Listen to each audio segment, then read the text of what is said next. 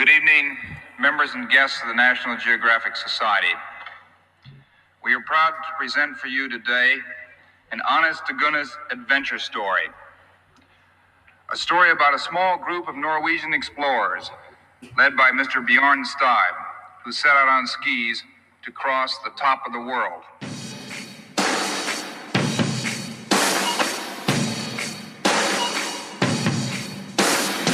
Du lytter til Tut og Tøys med Alexander Gamme og Lars Ebbesen.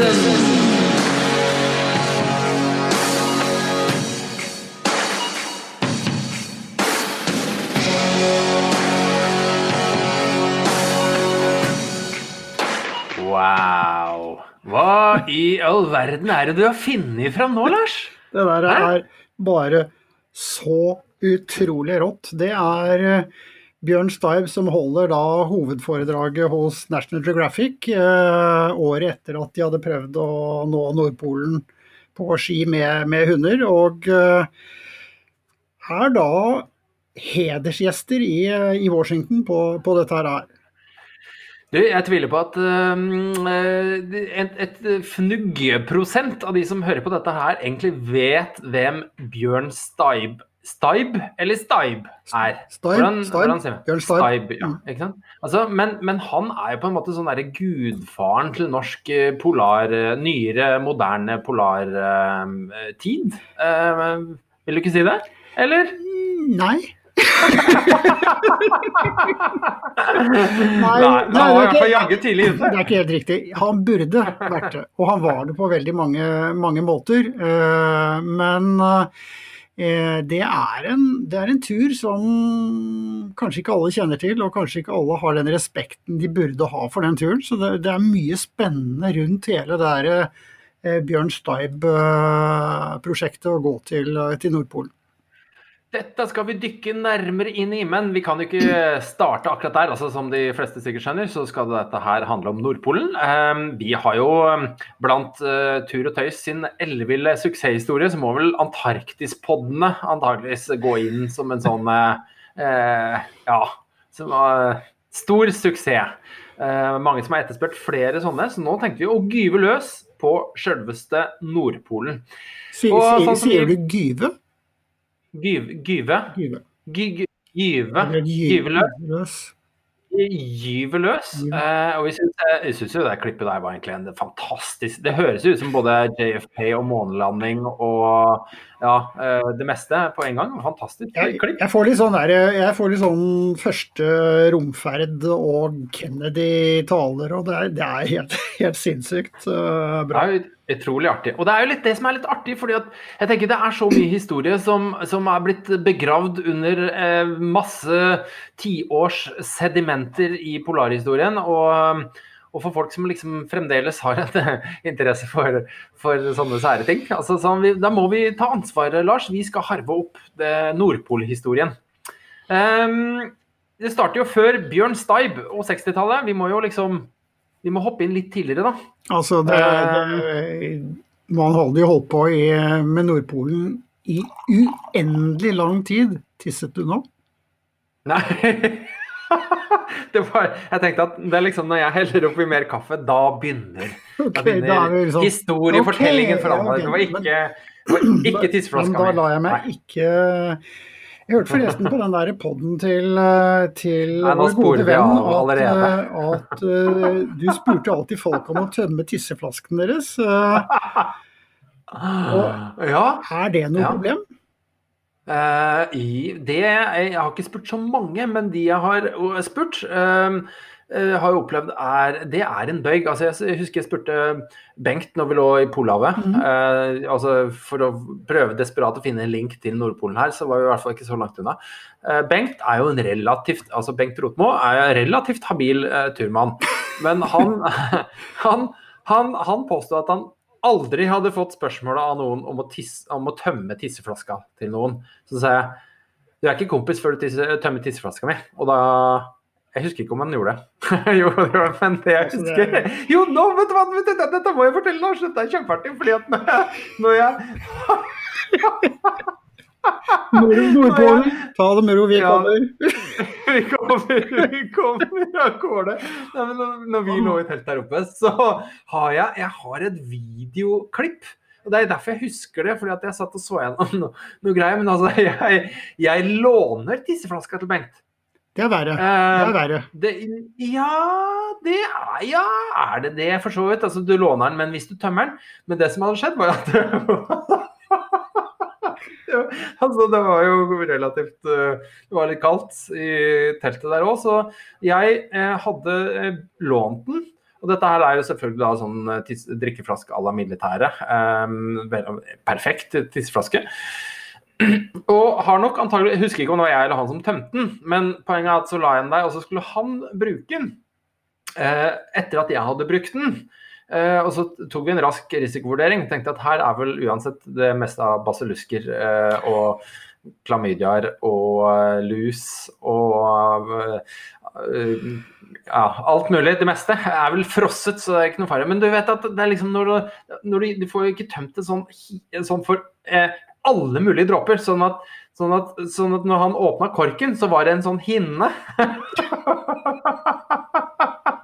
Som han liksom måtte slå seg gjennom. Faen, Tisse, Ok, nå kommer jeg. tisseflaske med jomfruhinne fra Alexander Gamme. Ja, ja, ja. Nå begynner vi å gå det- dypt i faget her. Men der fikk vi jo, selv om dette er da en sånn fagnerd tematisk eh, Nordpol, så fikk vi jo egentlig dohistorien vår. Så nok om, nok om det. Men eh, da får vi, vi får hoppe fra, eh, fra, fra tisseflaskehistorie til, til tidlig. Altså, og hvor tidlig? Det der lurte jeg litt på. Hvor, hvor langt skal vi hoppe tilbake? Eh, vi, vi, kan nevne, vi kan nevne Barents, altså William Barents. Uh, dette her, nå er vi vel på sånn slutten av 1500-tallet. Uh, gjorde et fattigslig eh, litt eh, eh, Man drømte om å finne en passasje også da, eh, gjennom pol, eh, polisen. Um, og så etter i århundrene etter så er det jo mye, mye eh, Nordvestpassasje osv. Vi hopper over litt det for denne gang. Men eh, der, der hvor Nordpolen i hvert fall begynner å bli utrolig interessant, så er det jo rett. Rett før alt skjer, egentlig. Og dette her berører jo Amundsen eh, definitivt. Men eh, en disputt og en kontrovers eh, som fremdeles eh, blåses liv i den dag i dag, det er jo Frederick Cook og Robert Peary. Eh, kort ja, Vi får se hvor kort det blir. men men eh, nå, nå friska jeg litt opp. For jeg husker at jeg drev og leste litt om Frederick Cook eh, tidligere. Og når du dykker ned i disse her profilene og personlighetene, så er det jo Hva er det for noe? Fikk du en flue i halsen? Ja, Dette er, skjegg, dette er da skjegget til Lars. Eh, men nå begynner han Vet du hva? Nei, nå- Lars, ikke- du begynner å kjede deg så fort når du ikke får prate. Altså, nå har jeg det jeg er så en kjedelig det du snakker om. Kom til. Du er så lang. Du er så Fredrik, utrolig ja, ja, lang. Ja, OK. Jeg skal gjøre det kort. Eh, Fredrik Fredrik Cook 30 sekunder. Å nei, Oh, nei, men jeg, skal, jeg har jo en introdel, Lars! Å ja, unnskyld. Det er intro. Nei, men OK, Fredrik Cook. Du må, du må gjerne spille inn eh, du da, Lars. eh, Men eh, altså, eh, du har egentlig to helt sånn forskjellige personligheter her. Det som skjedde, var at i løpet av ett Altså, i, i 1908 så hevda Frederick Cook å ha vært på Nordpolen. Og i 1909, våren 1909, så hevda Robert Peary å ha vært på Nordpolen.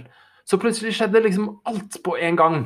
Eh, og så eh, kan man jo begynne å dykke litt nedi her. Og den, den, han, han som kanskje står aller dårligst eh, stilt, det er jo han stakkars Fredrik Cook. Men jeg tror, ja, jeg tror, han, jeg tror han var en Altså, han var, en, han var lege, han var kirurg. Og han starta polarhistorien sin med å være med eh, bl.a. Robert Peary på eh, flere ekspedisjoner, som da ekspedisjonslege. Og dette her gjorde han tydeligvis eh, veldig bra, fordi han, eh, han redda jo livet og holdt liv i folk på den verste skjørbuk-tida. Så sånn at eh, han ble da på en måte, han fikk masse erfaring eh, med å, å være, med, være med ut i Polhavet, og bygde da etter hvert egne ambisjoner. For å ta dette kort, han, var, han gjorde et forsøk, og han ble han, han, han på å bestige Mount McKinley. Det skal jo sies at Eh, han, han var en viktig del av Amundsens eh, oppfostring også. Ja, men nå foregriper du begivenhetene! Men altså, vi kan ta den med en gang. Jeg kan ikke så veldig mye om det, men det jeg vet, er at de var gode venner. Eh, Jeg veit ikke om Cook var med Amundsen på noen turer, eller hvor de ble De var, kjent. de var sammen på Belgica. Ja, OK. Ja, ja, ja. Så der var det, ja, ja, men og, der lærte, og med det ballasten Cook hadde, så lærte jo han eh, eh, den unge Roald, som var på sin første jomfrutur, eh, ekstremt mye. Og det gjorde at de ble veldig gode venner.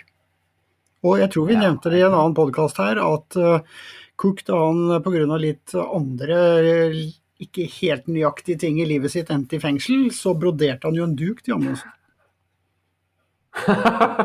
Unnskyld at jeg ler. Ja, det er jo, det er jo den duken. Ja. Det, ok, men ok, da starter vi egentlig på slutten, da. fordi at han, etter Polarhistorien, så ble jo han en litt sånn derre Han ble litt sånn forretningsmann som med eh, litt lyssky virksomhet, antageligvis, for han ble jo i hvert fall burra inne. Ja. Og er det da han satt og lærte kniplinger Ja. sine sendte til Amundsen? Og jeg, Eh, ja, så og som jeg nevnte sist, han, det var liksom, jeg tenkte ja, ja, sikkert sånn liten sånn som barna lager, men det var en kjempeflott duk. Det var veldig, veldig imponerende. Det har vært artig å ha ja, Nei, nok om det. Ok, men eh, det som skjedde da, var at eh, Cook eh, gjorde et forsøk, tok med seg inuitter, eh, gjorde et forsøk på å komme seg til Nordpolen. Jeg skal ikke bruke så mye sånn, men det, altså, det, det, var, det var i det hele tatt veldig mye tvil eh, om man kom fram. Og på den tida så var det ikke så mye foto og GPS og dokumentasjonsmuligheter. Det gikk liksom på observasjoner, det gikk på dagboknotater, det gikk på vitnesbyrd, og det gikk på eh, ja, navigasjonsnerding, for å si det sånn. Eh, og det ble vel ganske raskt slått, eh, slått, eh, slått under bordet på at han ikke hadde vært på, på Nordpolen. Så det duka jo på en måte eh, verden klar for Peary året etterpå. Um, Ja, det er jo ikke helt riktig, da. Fordi Nei, okay, da. tingen, Nei da. tingen er jo det at, uh, at uh, Nå føler jeg meg som en sånn uh, elev som sitter i klasserommet og så er du som strengerektor, streng så har jeg litt sånn lekseprøve. jeg er- ikke så veldig god i de to heller, men, men, men tingen var jo at uh, da nyheten kom om at Perry hadde vært uh, på, på Nordpolen, så var jo faktisk nyheten om Cook den kom jo ut bare en uke før. Ja, samtidig. Stemmer. Samtidig i to forskjellige New York Post og New York Times eller et eller annet sånt noe helt sånn med én ukes mellomrom. Og det ble jo øyeblikkelig baluba dem, eh, dem imellom. Og man har jo veldig mange på Cooks side har jo en, for, eh, har jo en følelse at det er Perry som hadde, var, hadde de tyngste folkene på sin side, som vant liksom den der litt sånn kampen om hvem man skulle tro mest på. Og så, eh, så eh, Når du først er inne på det, så er det sånn altså Cook etterlot jo det der som kanskje ville vært det største beviset. Det var jo disse her navigasjonsloggene sine. Eh, de etterlot ham på Grønland. Og de er aldri blitt funnet. Altså her, folkens, her har det jo en sånn her, Det tenkte jeg var kult. Og, og liksom lagt opp til en sånn derre Prøve å finne loggene til Fredrik Cook et eller annet sted på Grønland. Det var jo mye, han, de- det var mye han la igjen. Han la jo liksom igjen sekstant og eh, dagbok, og det var liksom ganske mange ting. Og det var jo meningen at det egentlig skulle sendes til New York, og så forsvant det, var det ikke noe Så sånt? skjedde så forsvant det. Mm. Kanskje, kanskje forsvant det med vilje, kanskje forsvant det uh, med et dessverre. Men det, det er klart at han, øh, historien har vel, har vel dømt, han, uh, dømt han litt. Men, men vi må vel kunne dra det så langt, for han har jo ikke fått noen Han har ikke fått noen liksom sånn Fredrik Cook var førstemann på Nordpolen. Men, men det som er litt så artig, fordi at Roald Amundsen eh, Og dette står det jo på Dette sto, jo i, i Wikipedia-artikkelen eh, om eh, Fredrik Cook. Det var jo at liksom Amundsen og Cook de beva, bevarte jo vennskapet sitt. Og det, det er jo denne duken din eh, som du er helt sykelig opptatt av, eh, et godt bevis på. At de beholdt vennskapet gjennom hele livet. Sjøl om det var eh, mye, mye, mye, mye rart med Fredrik Cook, da. Men har du mer å tilføye sånn før uh... Nei, det er, altså det, det er veldig uheldig for begge to at ingen har uh, veldig gode dokumentasjoner. Uh, mye av det som, som jeg etter hva jeg husker Perry slo ned på Cook, var at han, han tok jo for seg de to inuittene som, som Cook hadde hatt med seg, og eksaminerte dem uten å kunne språket veldig godt, og bare slo fast at uh, de dagene og de distansene, og de kunne ikke kart og de kunne ikke navigere, og det, var, det er helt på trynet. Så han fikk veldig raskt uh, lurt seg til en del fakta da, uh, som kom ut, og dermed slo beina under, under Cook, mens mange mener jo at det var litt sånn kupp fra Perrys side. Og så skal det jo sies at han han øh, gjorde jo en rimelig uvirkelig bra tur også. Da. Han dro jo inn, og så sendte han jo tilbake folk som kanskje var litt bedre på navigering enn det han selv var. Og han fyren som vel sa at øh, mon tro er vi ikke på Nordpolen nå, han kunne jo ikke navigere. Og det var liksom uh, Mr. Mr. Perry, uh, this was a really hard day. Uh, mon tro om vi er på Nordpolen nå? Og så og så tok de bare fram frem flagget og satte det opp og tok noen bilder. Og så tog neste dag så tok jo Perry noe eh, en liten fiks med sekstanten sin, men sa aldri noe mer om det. Bare pakket alt sammen ned. Pakket ned, pakket ned til flagget, la det i en boks, la det i isen, snudde de, og så dro de hjem. Så Kanskje ikke veldig, sånn, veldig godt dokumentert, det heller. Uh, litt ju juicy stuff, det ja, der. Og, og samtidig Men, vet vi jo at, at Perry var jo helt obsesst ved først å komme over først over Grønland. Der slo Nansen han fordi Nansen kastet seg av gårde og fikk løpt over tuppen der nede. Og så gjorde han jo en fantastisk kryssing av Nord-Grønland med Astrup, uh, som er en helt ufattelig tur at de overlevde det greiene og bare dro i blinde og satse på at de fant noe mat på andre siden. Altså helt uvirkelig. Og så prøvde han jo mange ganger, og det er jo litt av det som er, er interessante her. At han, eh, at han, dro mange ganger, og det er jo det vi skal komme tilbake til senere. At han, til slutt så dro han på en tid hvor det var bra isforhold. Og han hadde jo bodd der oppe i fryktelig mange år. og det som også var interessant med, med Perry, som han jo, gikk jo over lik for å komme til Nordpolen og bli kjent for det der. Og der. Og han tok jo med seg inuittvennene sine til New York. Eh, og ga dem til varemagasin på Fifth Avenue, så de kunne stille dem ut i vinduer. Og så låse dem i kjelleren i løpet av natten, og så stille dem ut eh, slik at han skulle få penger til, eh, til turen sin. Det var, det var, på en måte en slags sponsoraktivitet å hente inuitter um, til ja, utstilling. Ja. Så, og så fikk de tuberkulose for sikkerhets skyld, og så døde de. Ja. Spørs om, I hvert fall noen av det. Spørs om det hadde vært en veldig god fremgangsmåte i dag. Uh, gå frem på den, den, måten der. Men han var, var jo ruthless uh, i hele greia.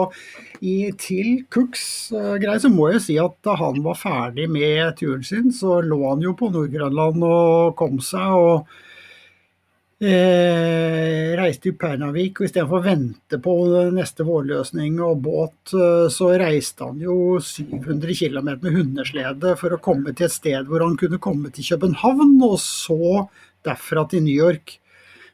Og det var derfor det tok så lang tid, for det var så lang reise før han kom til sivilisasjonen igjen. Så det, det, det, er mye, mye spennende der. Men de, de la seg særlig, de gutta der.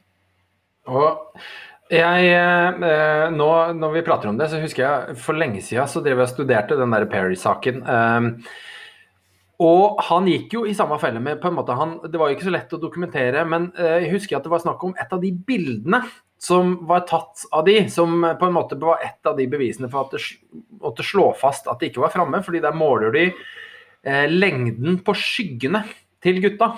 Mm. Eh, og når, når, de på en måte har referert til en dato og en posisjon på et bilde, og du ser på lengden av skyggene, så, så var det ting som ikke stemte. Og så er det en annen ting som, eh, ja, det, som det, det, det visner om Eller er det en annen ekspedisjon? Nei, nei, nei, det stemmer det der. Der. Men det, var, det interessante var at det var National Geographic som da øh, var sponset sånn, som faktisk underkjente ekspedisjonen i sin tid.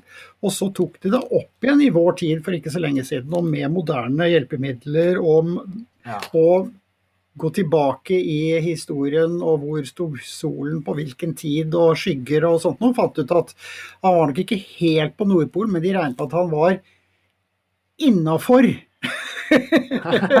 altså de, det var på en måte godkjent, da. Eh, og, Hæ? God ja, jo, at de faktisk sa at liksom det, det er nær nok til liksom at forståelsen av å ha vært på Nordpolen, den, den, eh, den var der. Selv om han helt eh, nøyaktig, det var han ikke. Og så er det vel også det at han Det gikk jo så utrolig raskt tilbake. Eh, Og det er litt Ja, av det som folk det har reagert på. Fordi de, de hadde liksom doble, doble tapper og gikk veldig, veldig raskt. Og mange har jo lurt på om det er mulig, og det er interessant å merke seg at eh, både Sjur Mørdre og Børge Ausland mener at det er gjennomførbart, det de to gutta, det, det Perry sier, og de distansene han har. Og Sjur har jo vært der oppe med hundespann og har vært der veldig mange ganger, og Børge har i hvert fall vært der mange ganger. Og begge sier liksom at på den siden, på den tiden, mindre isdrift. Og det var det Perry gjorde. Han kunne jo legge igjen, legge igjen depoter på vei ut, som de brukte på vei tilbake og sånn. Og klart at hvis du har meddrift og lært deg hvor du skal gå og sånn, så, så kan det gå fort unna. Altså. Men eh, det er jo en annen ting da, som, jo, som, som jeg stussa veldig på. Altså, det er jo, eh, og ikke bare jeg, men altså, tydeligvis mange på den tida. Altså, eh, mange av de der observasjonene, eller loggene hans i dagboka, de blir gjort på løse ark. Eh, og det her, det her stinker lang vei. Altså, fordi, og så står det, det, står at det, liksom, det, var, det, var det, var ikke det at dagboka var fullskrevet, det var masse ledige sider i dagboka. Men loggen da når det er rundt polpunktet, det, den er da skrevet på løse ark. Det her stinker, syns jeg da. Nei, Altså, nei, det gjør det bare mye mer spennende.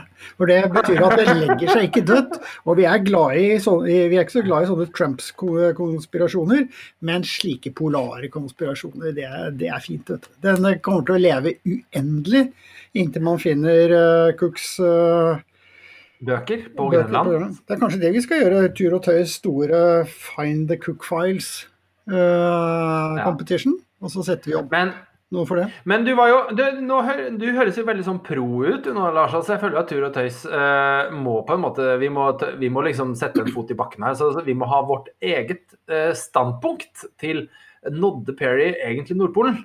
Ehm, eh, og da kunne vi hatt sånn ja-nei-skilt. Sånn der én, to, tre, og så går vi ja eller nei.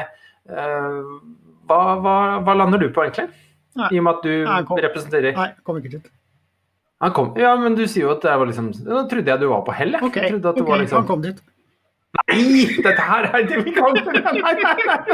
Nei, nei, nei, nei, men du var jo inne på det, at det, var jo eh, store studier, og det er jo der jeg tydeligvis har tatt de der eh, solbildene og minnene fra. Men, eh, men det, jo, det ble jo tatt opp igjen og gjort en stor sak ut av, om det var National Geographic eller hvem det var. Eh, Det vet jeg jo ikke. Men, men eh, jeg vet i hvert fall at eh, Wally Herbert, han brukte mye tid på forskning av dette prosjektet her, og han har konkludert med nei.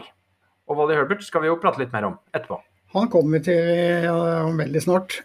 Eh, nei, altså jeg, jeg, jeg tror at begge Hvor langt Frederick Cook eh, kom, det har jeg ikke egentlig eh, noe god mening om. Jeg tror ingen av de gutta kom helt frem. Jeg tror at eh, de kom veldig, veldig langt, og imponerende langt i en tid.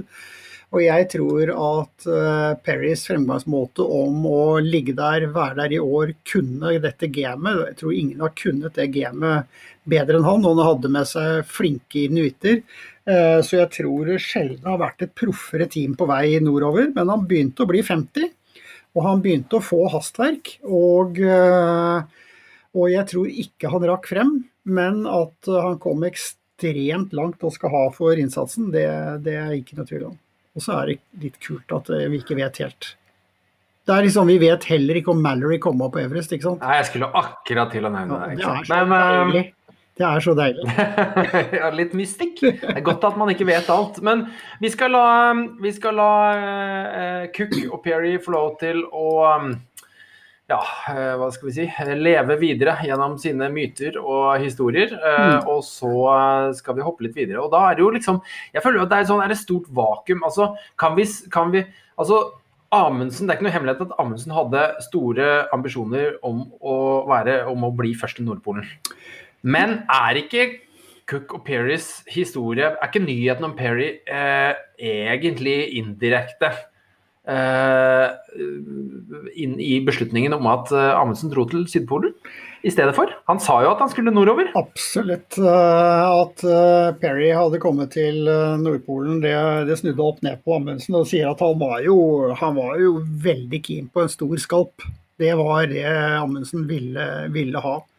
Og han ville til Nordpolen så lenge han kunne være først.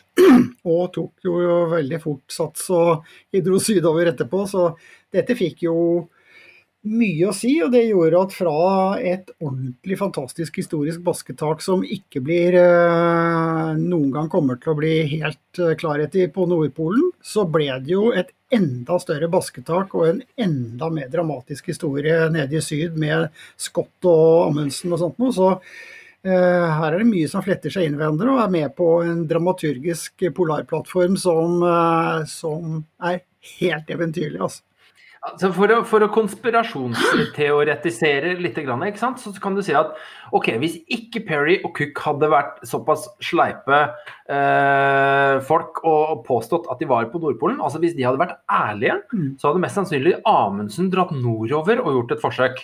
Og så kan vi jo synse om hvordan det hadde gått. Men det er jo langt fra sikkert at han hadde lyktes med det. Det Så er langt da hadde antageligvis... det er langt fra usikkert også, for han ville. Han ville ha en eh, Samtidig så var han så utrolig grundig. Uh, at jeg, jeg tror nok han hadde dratt eh, nordover uh, og veldig fast bestemt på å klare, klare det.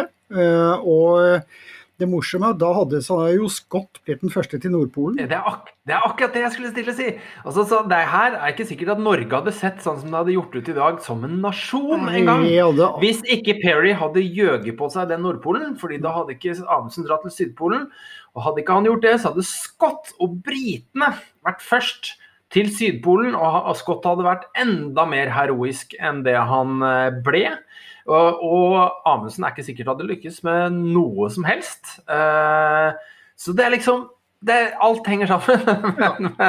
men men det, det er jo konspirasjoner. Men det er en veldig artig tanke at den enes svindel er den andres uh, suksess. Eller uh, ja.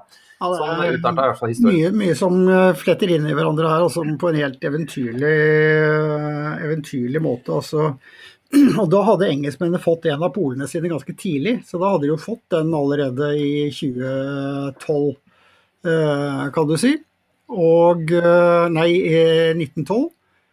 Og da er det ikke sikkert de hadde giddet å være så hete på grøten for å få tak i Everest etterpå, for da hadde de jo skjønt at de var nødt til å ha en Ah. pol, og så hadde de kanskje sveitserne kommet på toppen av Everest først. Og så eh, Ja, nei, dette er, dette er jo Dette er Her er det Dette kan vi snakke De i timevis om.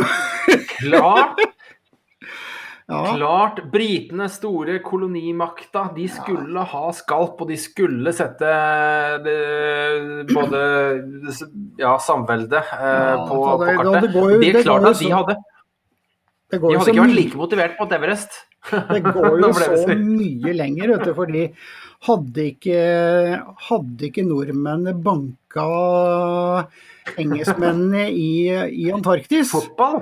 Nei, I Antarktis så hadde sannsynligvis tyskerne angrepet Norge under første verdenskrig, ikke sant? så det hadde jo igjen forandret hele historien. Så nei, her er det bare å ta for seg. Med tunge, tunge historiske Ja. Og det verste er at hvis, så hvis, det du kan si er at hvis ikke Perry hadde, eh, hadde, eh, hadde gjøget på seg den saken, så hadde ikke Amundsen dratt til Sydpolen. Da hadde britene tatt Sydpolen.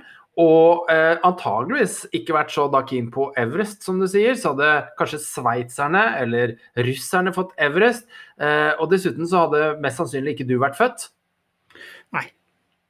Helt klart ikke. Nei. Det er for så vidt en liten missing link. Den kan vi overlate til uh, lytterne våre. Hvor er liksom linken mellom deg, Perry, og hvorfor hadde ikke Lars blitt født? Uh, men, men, den der kan vi la henge litt. grann. Uh, så, kan vi, så, kan vi, se om det er noen som har snappa opp den linken der. For her er det et eller annet. Der er det et eller annet. Ok, nå tror jeg vi tar gå videre. Oi, oi, oi. Ok, Nei, men etter, går etter, etter så, så, så var det jo så var det jo veldig stille i mange år, og øh, Amundsen var jo ikke råkeen på å sitte på en seilbåt uh, i Polhavet i det uendelige, sånn som Nansen. Han så jo at Nansen ble rimelig rastløs etter hvert, uh, og hoppet av den båten mange ganger. Uh, Ja. Og så ville han gjerne ha en kjappere vei dit, så han prøvde jo først å fly dit. eh, med disse to flybåtene, flybåten, flybåtene sine. Båtflyene. Flybåt, eh, et eller annet sånt noe. A24 og A25. Og har jo en av Polhavets største mirakuløse stå opp fra de døde-greier. Da Ja, de ja, krasja, ja, ja. og, og så eh, bygget en 500 meter stripe der sånn de med et strippa fly klarte å få opp og komme tilbake. Var ikke over er en måned etter at de var blitt borte. Folk, Det er helt vanvittig. folk visste jo de var døde. Folk visste de var daue. Og så Altså- plutselig kommer det derre Og det var neppes i, i 1925. Var liksom ikke så mye flytrafikk. Så det var liksom sånn «Å Ja, der kommer et fly. Det var ikke det for sånn, Hæ? Det må jo ha vært uh, helt vilt, altså. Å se det Du, det er Altså, øh, ja, den korte historien her. Altså, nå, det, det her er kapittel jeg kan lite om. Men de fløy, med begge, fløy de med begge luftskipa samtidig? Ja, ikke luftskip, det? luft, det var jo fly, eh, fly dette her er, som kunne lande på sjø og snø. Og, og de fløy med begge, og den ene gikk i stykker, og så fikk de Den andre klarte ikke da å ta av, og så måtte de bygge en lengre rullebane, og så måtte de få alle om bord der, og så fikk de tatt av og fløy tilbake. Jeg tror det var fem uker etter at de hadde tatt av for å fly til, eh, til, over til Nordpolen. OK, så dette er før luftskipa. Dette er i, i 1925, og så Ja, skjønte er- han jo at uh, det var rimelig risiko, rimelig risiko å, å fly med fastvinge, så da var det han hev seg på luftskip. Eh, med, med, hydro, med hydrogen, for sikkerhets skyld. Han mente at det var lavere, lavere risiko. Ja.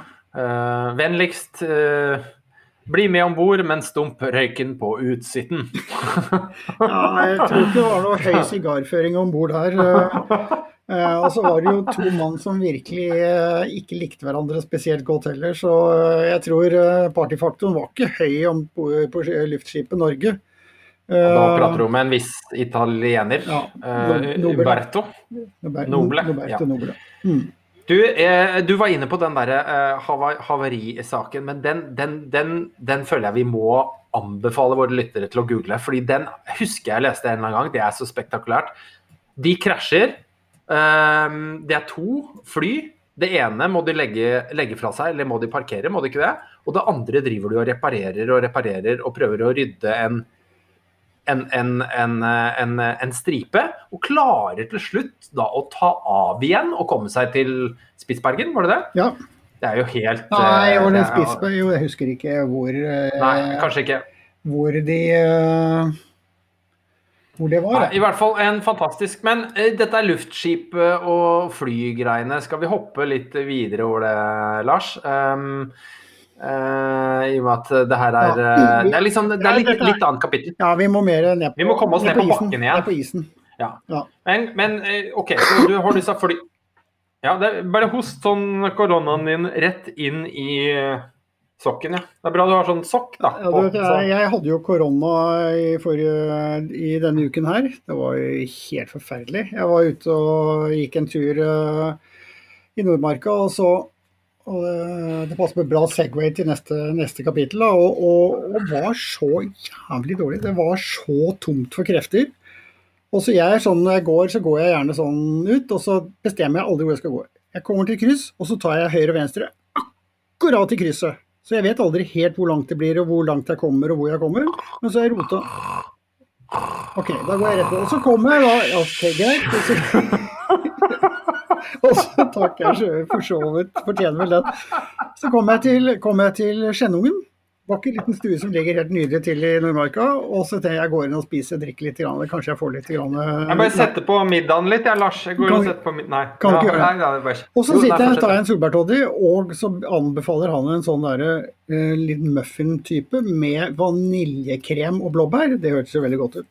Og så sitter jeg og så begynner jeg å spise denne her, eh, greia, og så smaker den Har ikke, ikke noe smak.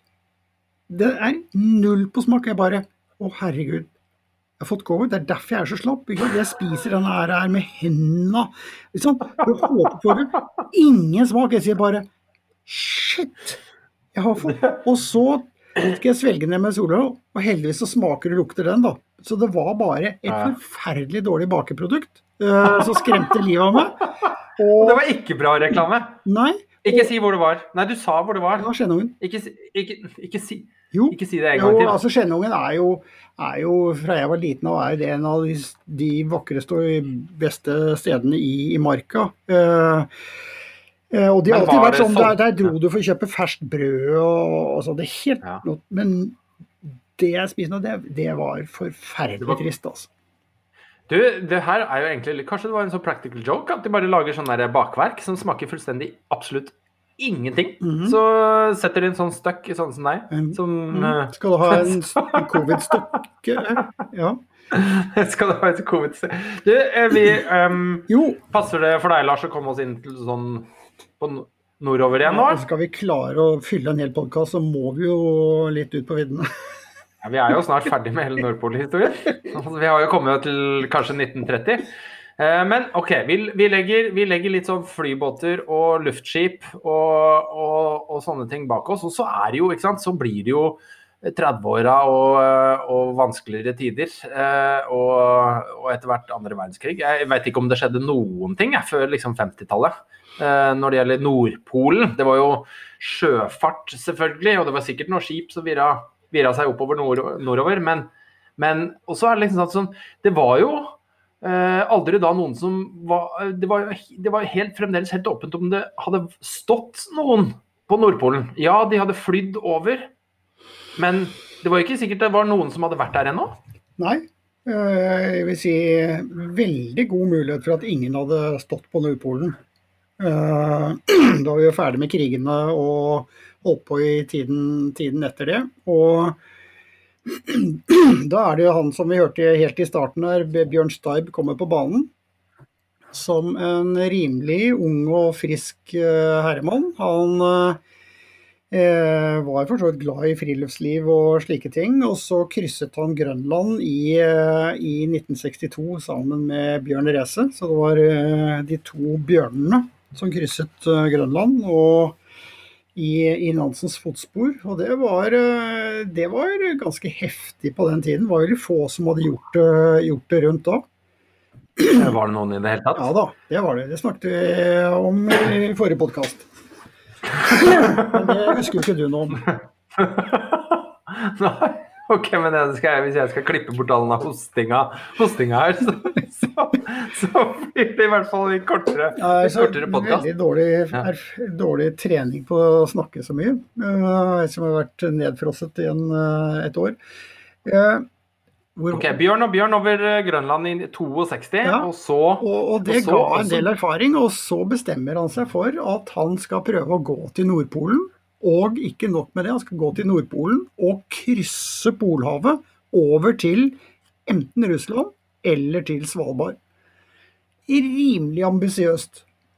I og med at ingen, ingen har vært i nærheten av å gjøre dette før, og, men Perry hadde gjort det. og det var i eh, Han var en stor fan av Fridtjof Nansen, så det var liksom eh, tanken å gjøre det. Men for en gutt å gjøre det, så er det på den tiden helt fantastisk stå-på-vilje som en med en historie frem til det som er, er helt rå. Han, han krysset Grønland, og det skrev han en bok om som heter 'På ski over Grønland'. En tittel som har hatt suksess før. Eh, og den hadde suksess igjen. Eh, og eh, han holdt 400 foredrag etter den grønlandsturen sin. Og det ga en eh, inntekt som han da investerte i denne Nordpolturen. Og fant veldig fort ut at han måtte til, eh, til Statene, og via den amerikanske ambassade og forskjellig sånt og en onkel med som kjente ambassadøren fordi han hadde en, et eller annet på Kanariøyene eller noe, så, så ble han introdusert i, i, i Washington. Og der skjønte han at det var cocktailselskapene som var inngangen til alt. Så han begynte med bare å slå opp i telefonkatalogen og ringe generaler. Um, uten, og det er jo bare så tøft! I dag googler vi. Da må du stå der Skal vi se der, Oi, der, han er general. Da ringer vi han veldig liten. Men så fant han at de spilte golf, det gjorde ikke han, men han gikk da på golfbanen, og så traff han dem, og da ble han invitert til sitt første cocktailselskap. Og da hadde han kjøpt inn en hvit smoking for den anledningen. Så han fikk Ja. brukt den hvite smokingen godt der, og da kjente han disse generalene, og så ble han introdusert, og så begynte ballen å rulle, og så var det National Geographic, og så klarte han helt utrolig nok å få med seg nok til at det ble en, eh, en eh, Nordpolekspedisjon eh, ut av det. Og altså, dette er en fyr som da er 24-25 år gammel, og som drar til Washington og klarer å lures inn. Det er litt sånn derre Jeg vet ikke hva man skal sammenligne det med, altså, men det er altså en stå-på-vilje som er helt, helt eventyrlig.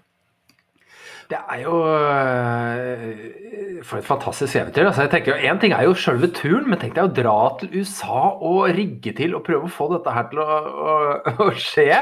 Altså For en enkel, enkel nordmann, liksom. Som, altså, og på den tida, altså det var jo liksom før Beatles kom til USA.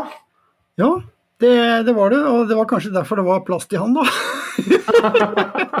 Men han, han gjorde seg berømt, og, og, og det viste seg på den tiden så var det jo ingen i Norge omtrent som var interessert i, den, eh, i, i dette i det hele tatt. Han fikk med seg Aftenposten, tror jeg, og litt grann her hjemme, men veldig lite. Fikk med seg National Geographic.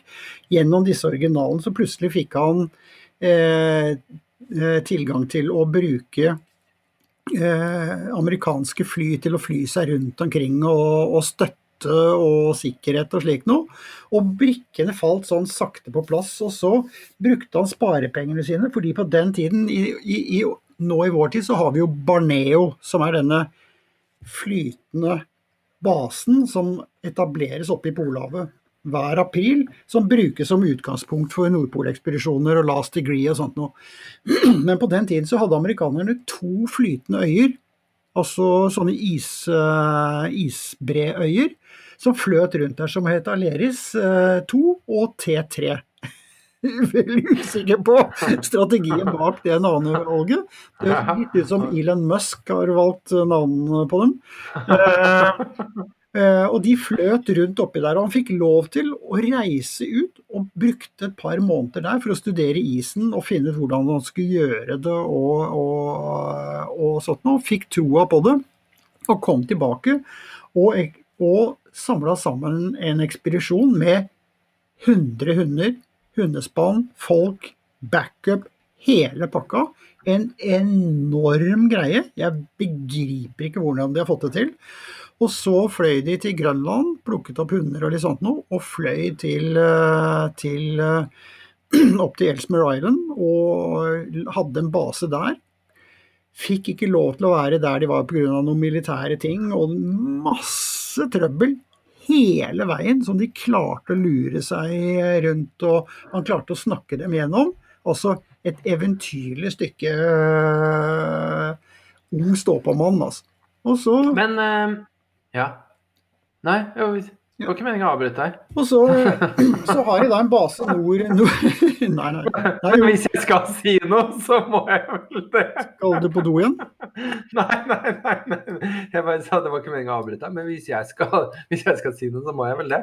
Men det er jo helt, det er jo helt rått hvor du, hvor du drar alt dette her opp fra, eh, Lars. Eh, Men, eh, men hvordan gikk det? Nei, det gikk ikke. Nei, Nei, men det, det, er, det er å hoppe litt frem. Det, det skjedde, Ok, da. altså det skjedde ekstremt, eh, ekstremt mye, mye oppi, oppi hele biten. Det var veldig mye uh, bruduljer hjemme og veldig mye negativitet hjemme. Eh, men han var helt ufortrøden på det. Så fikk han med seg eh, Torstein Råby, som var fra eh, Kon-Tiki-ekspedisjonen, som jo hadde, hadde hatt ja. hell. Han var radiooperatør der, og han ble med som radiooperatør på den turen for å være i basecamp i, i, eh, helt nord på kysten der. Og rett før de skal dra, så dør han. Helt av hjerteinfarkt eller noe, jeg husker ikke helt hva det var for noe. Og tenk deg å ha med sånne nasjonalikon som da plutselig dør i teltet ved siden av deg rett før det.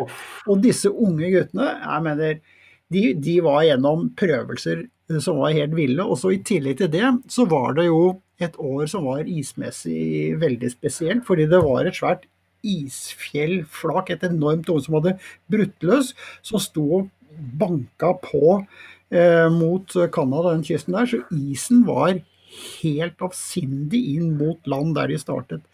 Så de, da de endelig kom av gårde, da, da, de, da skulle de bruke utstyr som de hadde brukt på Grønland, for de, eh, de sledene hadde klart seg kjempebra i eh, skruisen eller i isfallene på, på Grønland. Men det var, de gikk jo fullstendig stykker, og de inuittene de hadde med å gjøre, de måtte bygge nye, og så ble det forsinkelser og forsinkelser og fred, og han døde jo, og det var mye rart som, eh, som skjedde. Men så kom de av gårde, da. Og i en is som de jo ikke kom frem gjennom i det hele tatt, som var sånn 10-15-20 meter høye skrugarder. Og som de sa, da de slo, slo leir første, så trengte de ikke ring, eh, sette opp radioen, de bare kunne rope tilbake. altså, det var helt avsindig. Og han kom tilbake eh, etter en sånn klatret opp på en sånn iskoss for å se. Liksom, han kom tilbake, ser du på den? Nei, nei. Ingen bedring. Og så var det bare å hakke på og hakke på og løfte og bære og presse og holde på. Og sledene gikk jo fullstendig i stykker. Og så eh, Så det var et mareritt, og de kom seg nesten ikke fremover, men ga seg aldri. Og holdt jo hele tiden kontakt med disse her to, med basestasjon og med, med, med basecampen sin og disse to flytende øyene uti der. Og på et eller annet tidspunkt så måtte de ha en, ha en eh, etterforsyning, og da, da tok det norske forsvaret med en Hercules og fløy over hele greia og ga dem et slipp der ute. Og jeg lurer på om det var da at for å få til det, så var det jo som, det var ikke noe sånn GPS, og vi er på den nøyaktige posisjonen. Du må ta en fiks, og så drev jo isen, og så var det litt sånn skyet, fikk du ikke helt.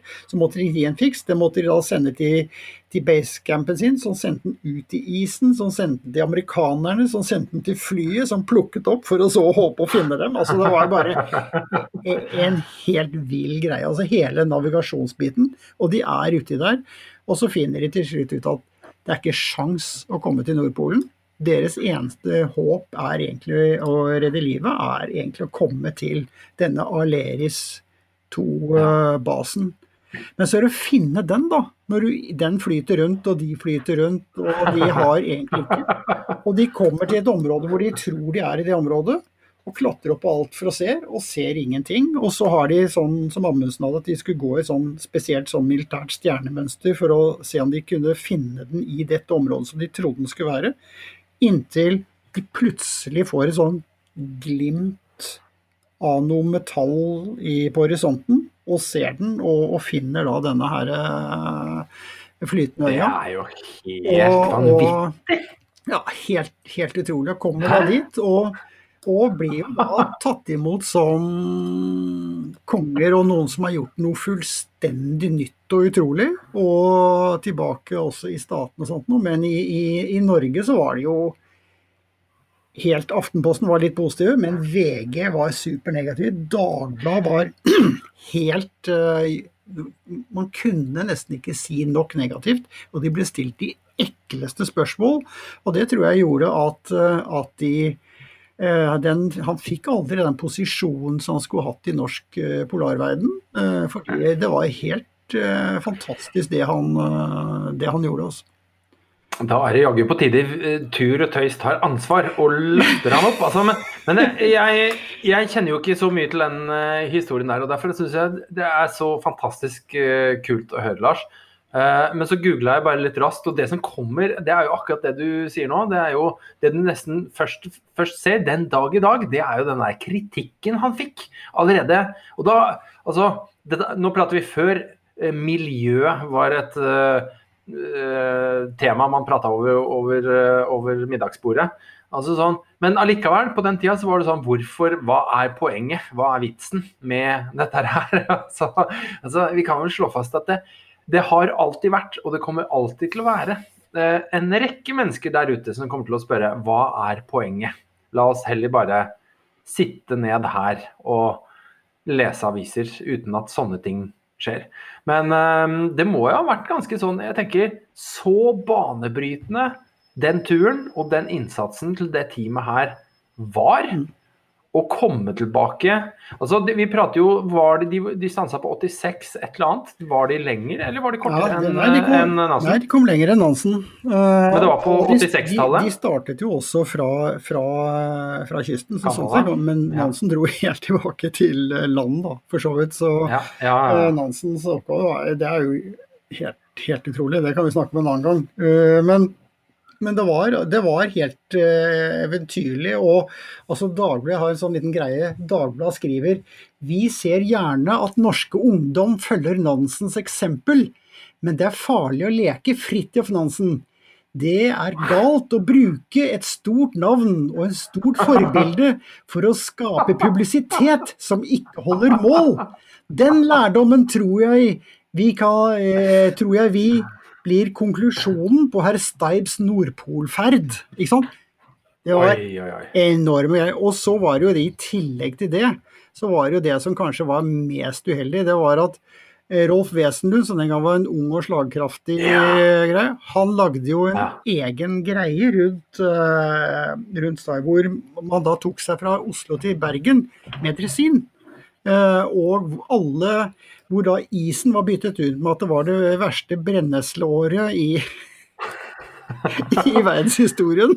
Og var satt der i samme strikkegenseren som, som Bjørn og, og greier. og eh, gjorde harselas med det. Jeg tror egentlig Bjørn og familien syntes det var morsomt en stund, men så ble liksom det hengende veldig. Og jeg vet at i, i dag så eh, kona til Bjørn Starp som lever enda, han, han, døde for en del år siden. Hun, det har vært sårt og, og, tungt å leve med dette for dem i, i alle år. Du, jeg, eh, jeg syns vi skal uh, runde av Eller du, jeg vet ikke om du er på sånn runde av, men jeg tenkte at nå Nei, kan vi jo etter hvert ja, men jeg, jeg, jeg har et Nei, men, men jeg fant Jeg, syns jo det er et eller annet uh, Vi må jo spille av et uh, nytt klipp med, med, Bjørn. Det er jo da et intervju på NRK når Bjørn har kommet tilbake. Skal vi se her om vi får Der. Ærlig talt, Bjørn Staub. Glad for å være hjemme igjen? Nei! Skal vi se. Der, da får vi ta en liten klipp der. Særlig du kommer til. Ja, naturligvis. Det er alltid hyggelig å komme. Ja, skal vi se der. Skal vi se, se. Begynner, på denne, begynner helt på nyten her. Kom igjen, der. der. Det er ikke lyd helt på starten. Sånn nå. Syns jeg er flink, jeg.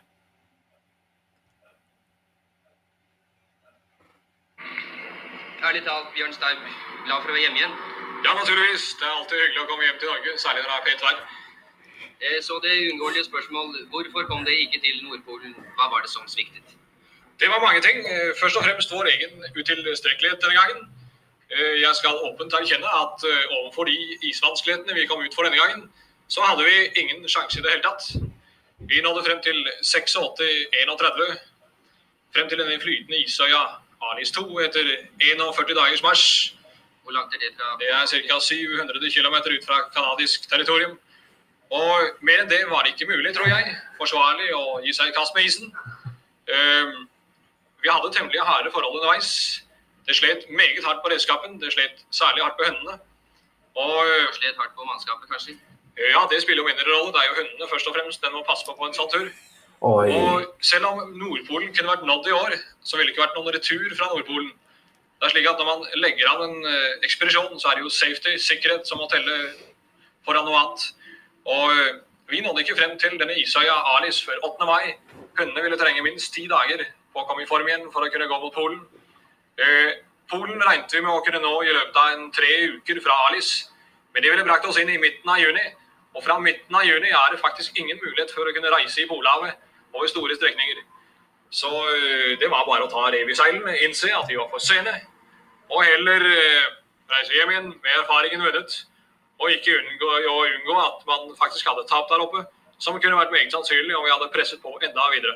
Men vil disse Det er, jo- det, er, det, er jo helt, eh, det er jo helt fantastisk. Altså, for, for en fyr, syns jeg. Altså, øh, han er sikkert Jo, han er kanskje litt medievant, men altså, han svarer jo utrolig godt for seg. Og så, så ydmyk og ærlig, og, og, og ærlig på at eh, ja, Han sier jo rett og slett de hadde ikke sjanse pga. isforholdene.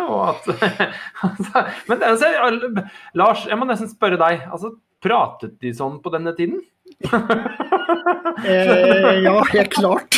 Det, det gjorde det. Man ser jo, Det jo eh, litt- når vi i det, så er det veldig mye herr Steib og eh, karene Hvordan klarte nå karene seg der oppe? Ja, var, Vi må komme tilbake med erfaringen vunnet og null tap. Vi måtte innsette at det det der var Ja, det, er, det er veldig det er helt, Jeg syns det er nydelig å høre på. og Det blir et ordentlig historisk sus over dette når du får den stemmen hans inne. Han var jo flink til å prate. og har har hørt han har holdt enorme foredrag og sånt noe. Og han ble også da Børge og Erling, som vi skal snakke om senere i en annen episode kanskje, vi rekker jo aldri så langt sånn til dem, uh, skudd, så var de jo besøkt uh, Bjørn Steib, og begge sier jo at han, han stilte dem spørsmål som uh, satt og var eh, en stor kapasitet. Ja, det er fantastisk. Du, da er vi, da er vi, da er vi ferdig for denne gang, Lars. Eh, vi, Er kom, eh, vi kom omtrent halvparten så langt som det vi trodde. Vi klarte tre. tenker- Det er, dår, det er dårligst til nå.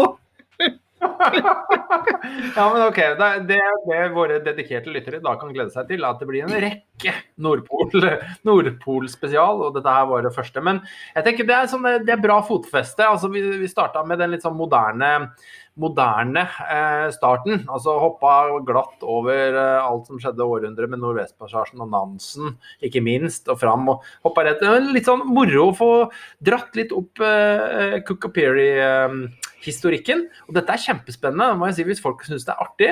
Og jeg så, mens du prata nå, så så jeg faktisk at det lå en bok av Bjørn Steibs eh, 'Kryssing av Grønland' ute på Finn for 150 kroner. Så hvis ingen er lydraske, så kommer jeg til å sikre meg den, i hvert fall. Eh, og så ligger det jo eh, Ja da, du Å ja, der har du den, ja. Der, ja. Ja, ja, men det var kult.